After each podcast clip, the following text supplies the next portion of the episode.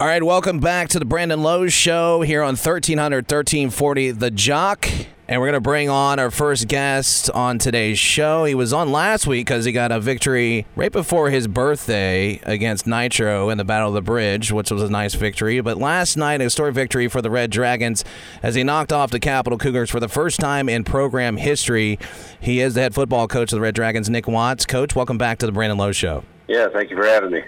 Well, uh, as excited as we were to start the season last week, and you got yourself, as I said, an early birthday gift.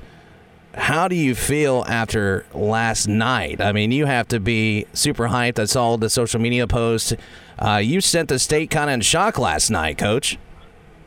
Yeah, you know, um, we just kind of did what we always do. Uh, we prepared like we always will. Um, we felt like we had a good chance, and we had kids that were confident, kids that you know have been putting in a lot of work in the off season and and really putting in a lot of time in practice and being resilient through you know global pandemic and all of that. And we felt good about our chances, and you know we went out and, and did what we felt like we could do.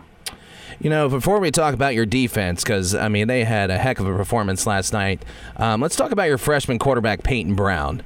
Um, I know covering South Charleston, Trey Dunn last year as a freshman, you know, everybody's going to have, as a freshman, going to have those growing pains. Even if you're a sophomore, you're going to have growing pains. It takes a while to settle in, especially the quarterback position. But Brown is really, I mean, a strong arm. He's accurate. He commands the offense. And to be able to, to get that drive and that touchdown uh, in the fourth quarter that uh, ended up being the, uh, the sealer for the victory, you got to be really proud of your freshman quarterback. You know, he's a he's a great competitor. Um, he's Mr. Cool back there running the offense. You know, he plays a lot older than he is. Um, yeah, I mean, he, he comes to work every day. I think he's probably our most competitive kid that we have, honestly. He, he's hard to outwork, and he wants to get better all the time. And, you know, just playing in big moments in the last two weeks, and, and it just doesn't faze him. You know, he, he makes the plays that he needs to make. Um, he's able to avoid pressure up front. He's encouraging to our offensive line and, and does a really good job of you know managing the offense and then making the plays that he has to make and really really proud of his effort. Speaking with Nick Watts, head football coach of the Red Dragons, coming off an historic victory there, 19 tries and uh, no wins, but tonight or last night was uh, was that. Uh, was that magical number, right? They normally say three times is the charm, and uh, it, it uh, you finally got that victory uh, over St. Albans, and uh, your defense was outstanding last night. Um, you know, 34 total yards for the Cougars. The rushing plays, 28 rushing plays, negative 15, so minus 15 yards on uh, on rushing plays. I mean, you had to be ecstatic about your defensive performance you know, our, our defensive coordinator, uh, Coach Ricky Steele, um, he does a great job with our defense and just our kids believe that they can come out and stop them and, and make plays and, and get after them a little bit up front. We, we preached all week just to be aggressive, you know, attack, attack, attack, be physical.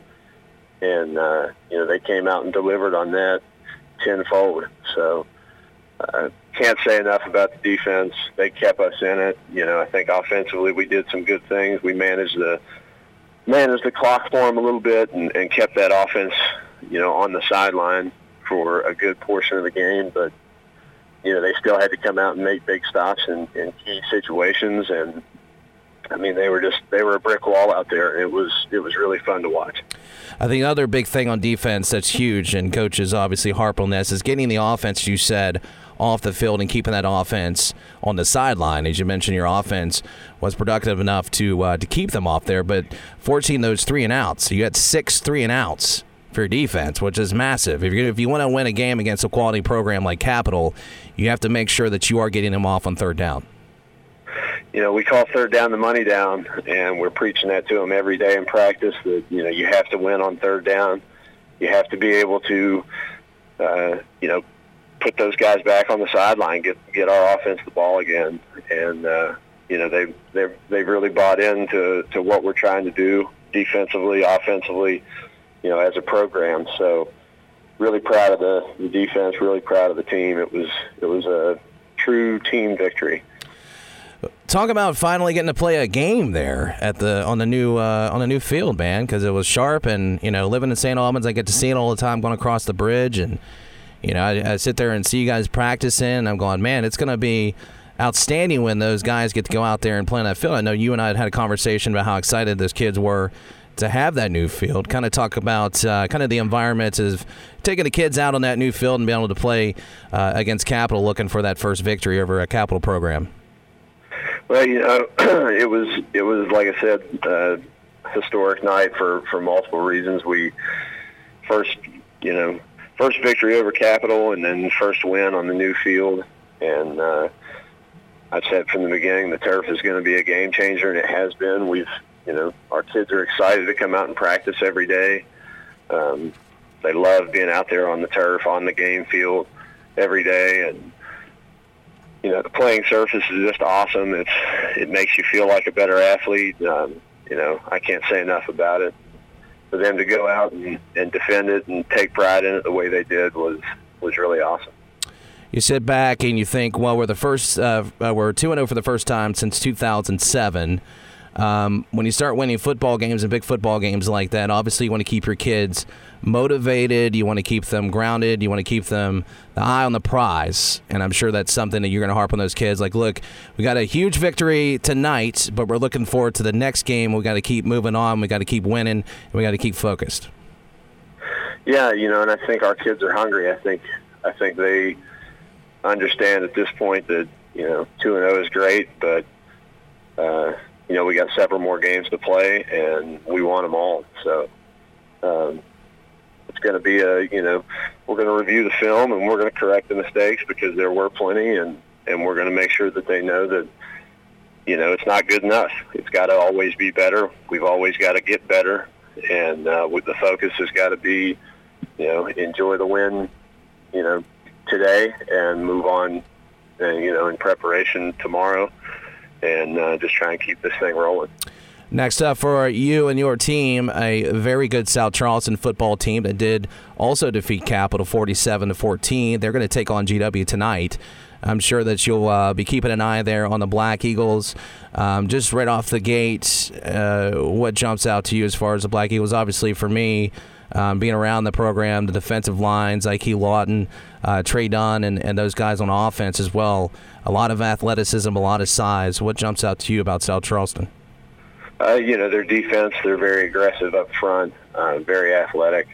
Um, offensively, they got a kid that can really spread the field and, and hurt you in the passing game, but they've got capable running backs. Uh, you know, think a guy that's got some D1 offers there uh, as a running back, offensive weapons all over the place. So, yeah, I mean, it's going to be a real challenge for us. Um, you know, we're going to have to work hard and we're going to have to play well. So, uh, you know, it's going to be all focused on them you know, for the next seven days. So. Coach, congratulations on the historic win last night, and uh, I wish you luck the rest of the way. I'm sure I'll talk to you very soon. Uh, I actually will probably see you there at that South Charleston game, so I'll come come down and say hey to you and uh, wish you good luck there as well. But appreciate you uh, coming on the show, and uh, yeah, I'll see you at the South Charleston game. All right, thank you. Thanks for having me.